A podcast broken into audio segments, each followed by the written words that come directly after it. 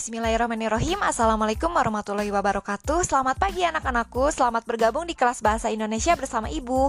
Hari ini kita akan belajar tentang teks laporan hasil observasi Atau kita singkat menjadi teks LHO Nah, Ibu akan membahas secara ringkas materi tentang pengertian Ciri-ciri dan informasi yang terdapat dalam teks LHO Silahkan kalian simak dengan seksama ya.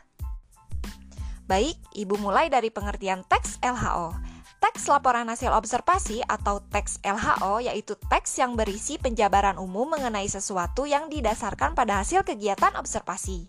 Kegiatan observasi merupakan kegiatan pengumpulan data atau informasi melalui pengamatan langsung atau peninjauan secara cermat di lapangan atau lokasi pengamatan.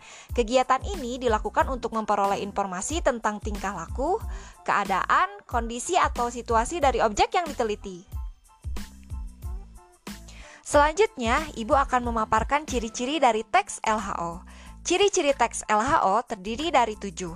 Yang pertama, bersifat objektif, global, dan universal. Yang kedua, objek yang akan dibicarakan atau dibahas adalah objek tunggal. Yang ketiga, ditulis secara lengkap dan sempurna. Yang keempat, ditulis berdasarkan fakta sesuai dengan pengamatan yang telah dilakukan. Yang kelima, informasi teks merupakan hasil penelitian terkini yang sudah terbukti kebenarannya. Yang keenam, tidak mengandung prasangka, dugaan, atau pemihakan yang menyimpang atau tidak tepat. Yang ketujuh, saling berkaitan dengan kelas dan subkelas yang terdapat di dalamnya. Nah, selanjutnya informasi yang terdapat dalam teks LHO. Informasi yang terdapat dalam teks LHO merupakan fakta yang ditemui pada objek yang diamati. Fakta adalah peristiwa yang benar-benar terjadi.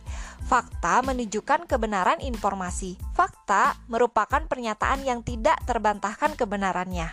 Pernyataan tersebut berupa kalimat yang ditulis berdasarkan kenyataan, peristiwa, atau keadaan yang benar-benar terjadi secara objektif.